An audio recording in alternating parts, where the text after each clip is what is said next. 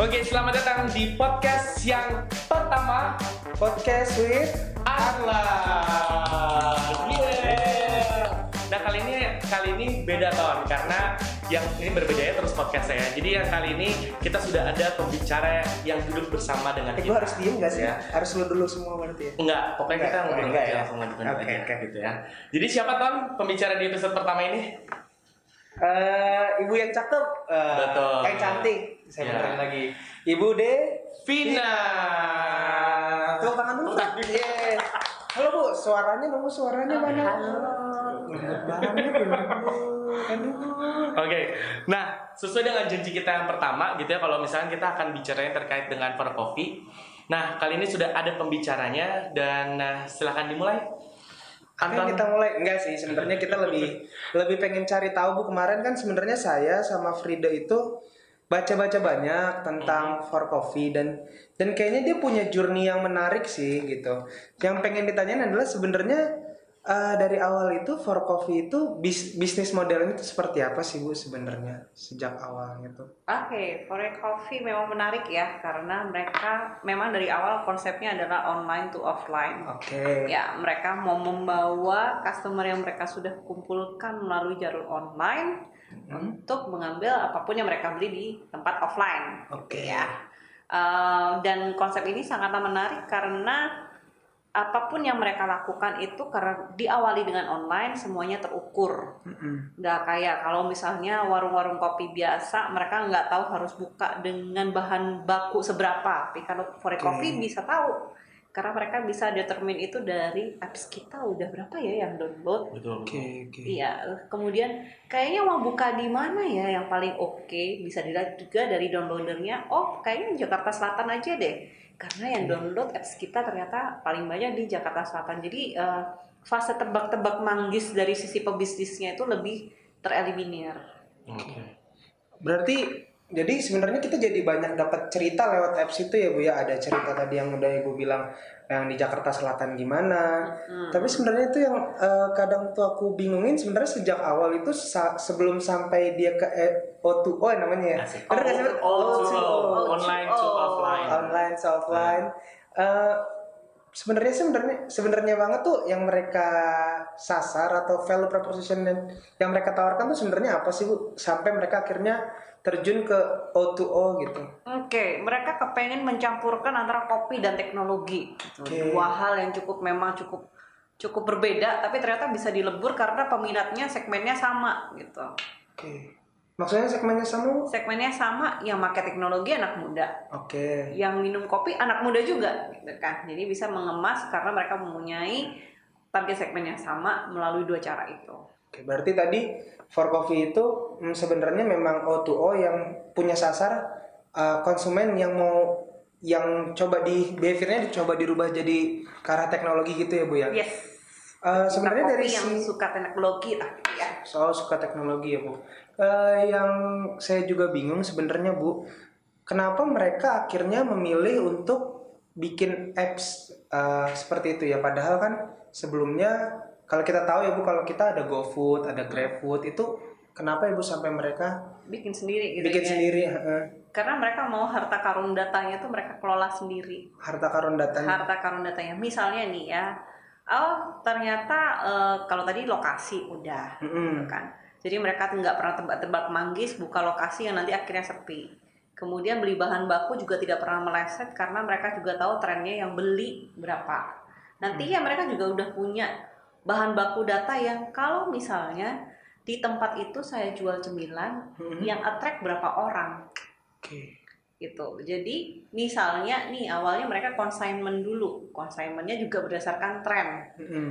Baru nanti akhirnya bisa mereka switch dari consignment itu menjadi mereka akhirnya produksi makanan sendiri. Bisnis risknya lebih kecil karena Hmm. semua based on data. Mm-mm. Expansionnya juga lebih mudah karena semua based on data. Oke. Dari secara operasional mereka juga nggak perlu bikin kedai kopi yang cakep, instagramable, Mm-mm. ya kan? Tapi mereka bisa fokus di quality dari produknya. Oke.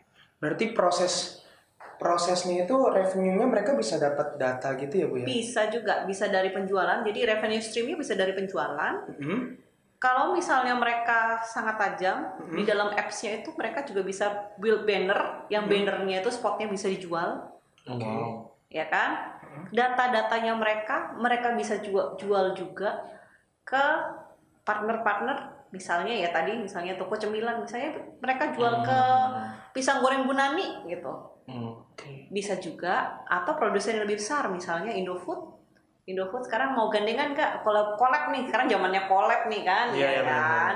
Fore Coffee collab with Indofood. Misalnya nih misalnya oke Pak Akstam Salim mungkin dengar juga kan ya? Iya. itu bisa juga gitu karena mungkin seorang Indofood atau seorang Akstam Salim juga nggak mau invest dengan suatu hal yang backgroundnya nggak jelas. Hmm, benar benar benar. gitu. Harus make sure juga kan sebenarnya. Bisnisnya ini arahnya akan akan jangka panjang kah atau cuma ya udah hangat sesaat dingin selamanya gitu loh. potensinya keukur leads-nya nyata gitu Betul betul.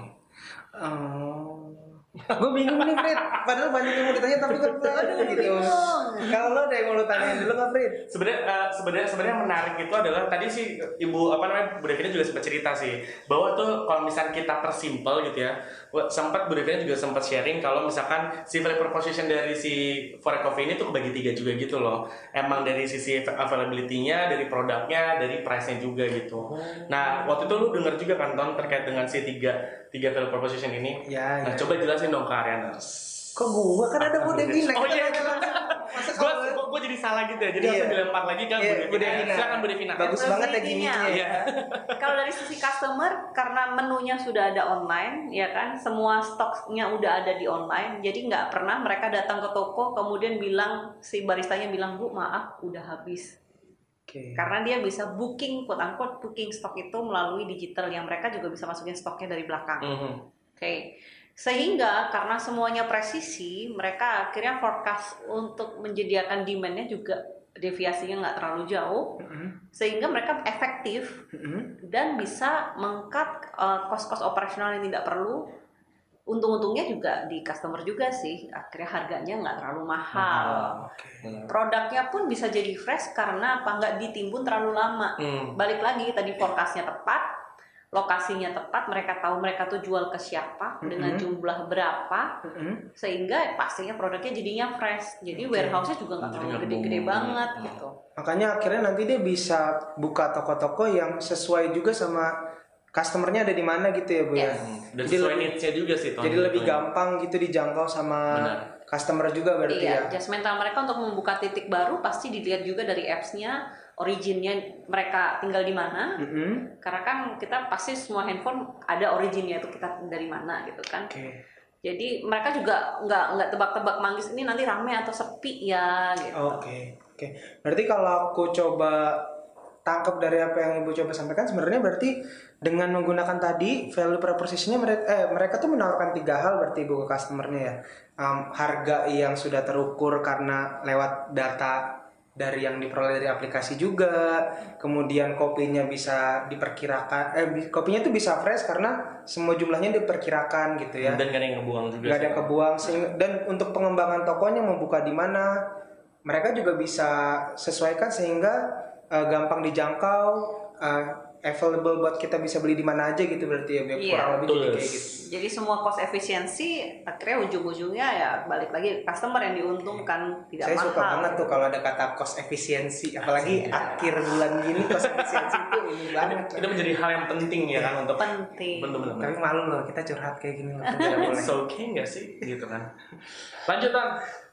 Oh iya nih, Eh, teman-teman harus tahu bahwa sebenarnya Bu Devina udah sharing ke kita langsung lewat acara Talks Aha. dan ada beberapa teman-teman yang sebenarnya penasaran terkait eh, konsep bisnisnya for coffee gitu dan mereka akhirnya menanyakan hal-hal serupa tentang bisnis juga, Fred.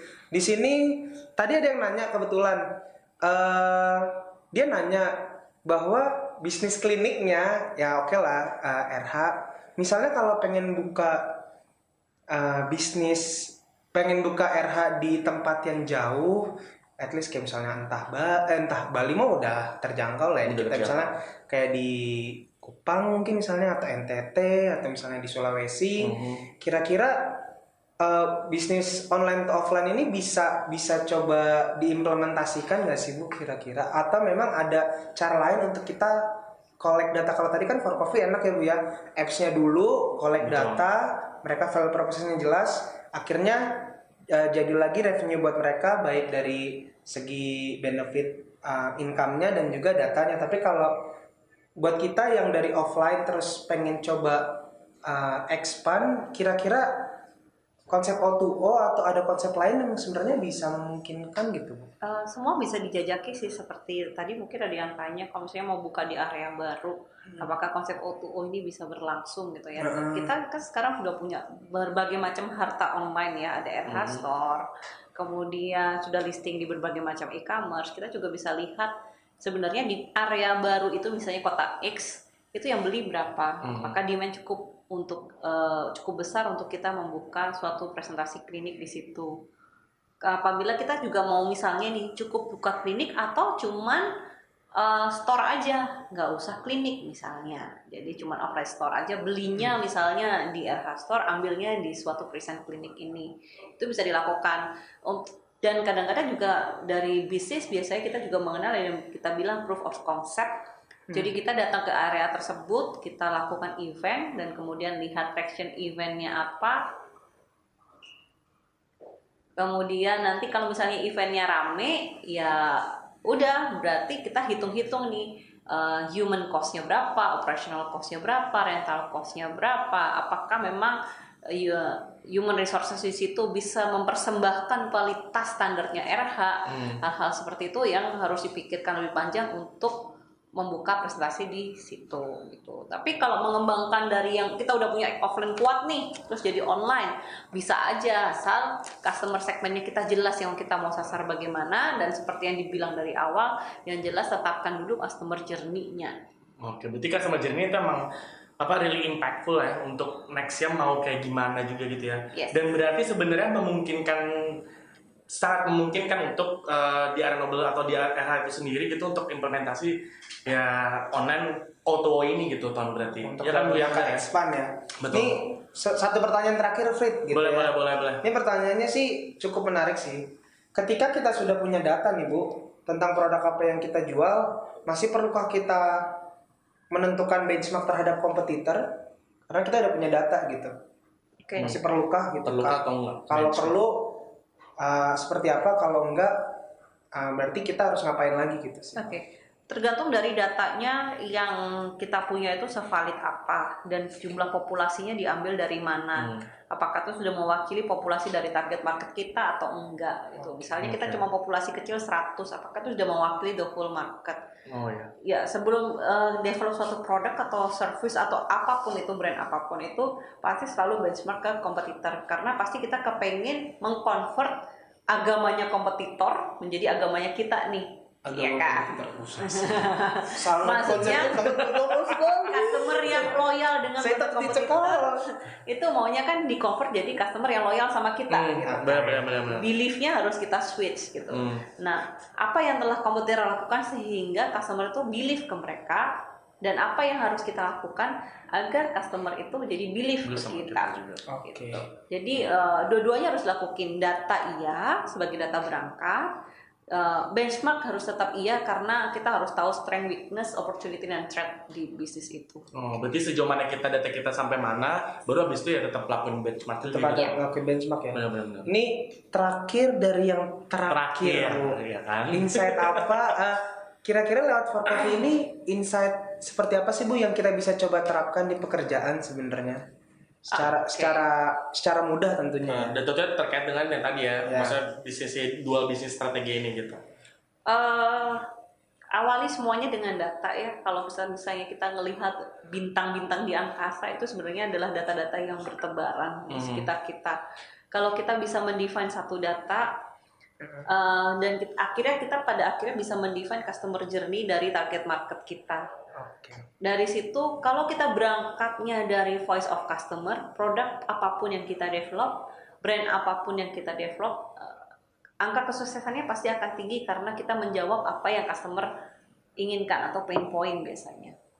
Oke. Berarti data itu kayak bintang. kayak bintang Mau Jelas. siang mau malam dia tetap jadi bintang berarti aja. siap Masa gitu sih?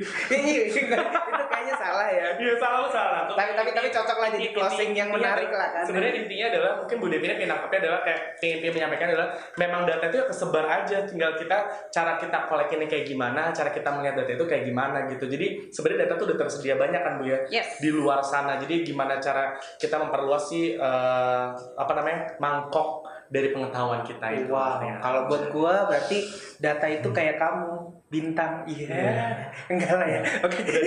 Oke, kalau gitu sampai di sini aja podcast di episode pertama gitu ya. Kita mau ter- bilang terima kasih dulu buat Bu Devina karena sudah sharing terkait dengan kedua bisnis strategi ini gitu ya.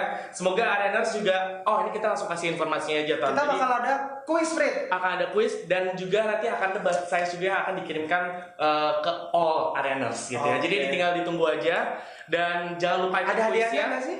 Pastinya akan ada hadiahnya gitu ya. Dan- Bergelimang harta dong hadiahnya. Betul. Dan Bu Devina juga akan lebih senang kalau misalkan arena semua bisa mendengarkan dan bisa saling sharing ataupun kalau misalnya ada arena pengen tanya langsung ke Bu Devina juga terbuka ya Bu ya benar ya. silahkan Silahkan tuh udah ada dapat approvalnya gitu ya. Kalau gitu sampai ketemu Di podcast Sweet and Love, belum belum belum belum sampai ketemu saya Rida saya Anton.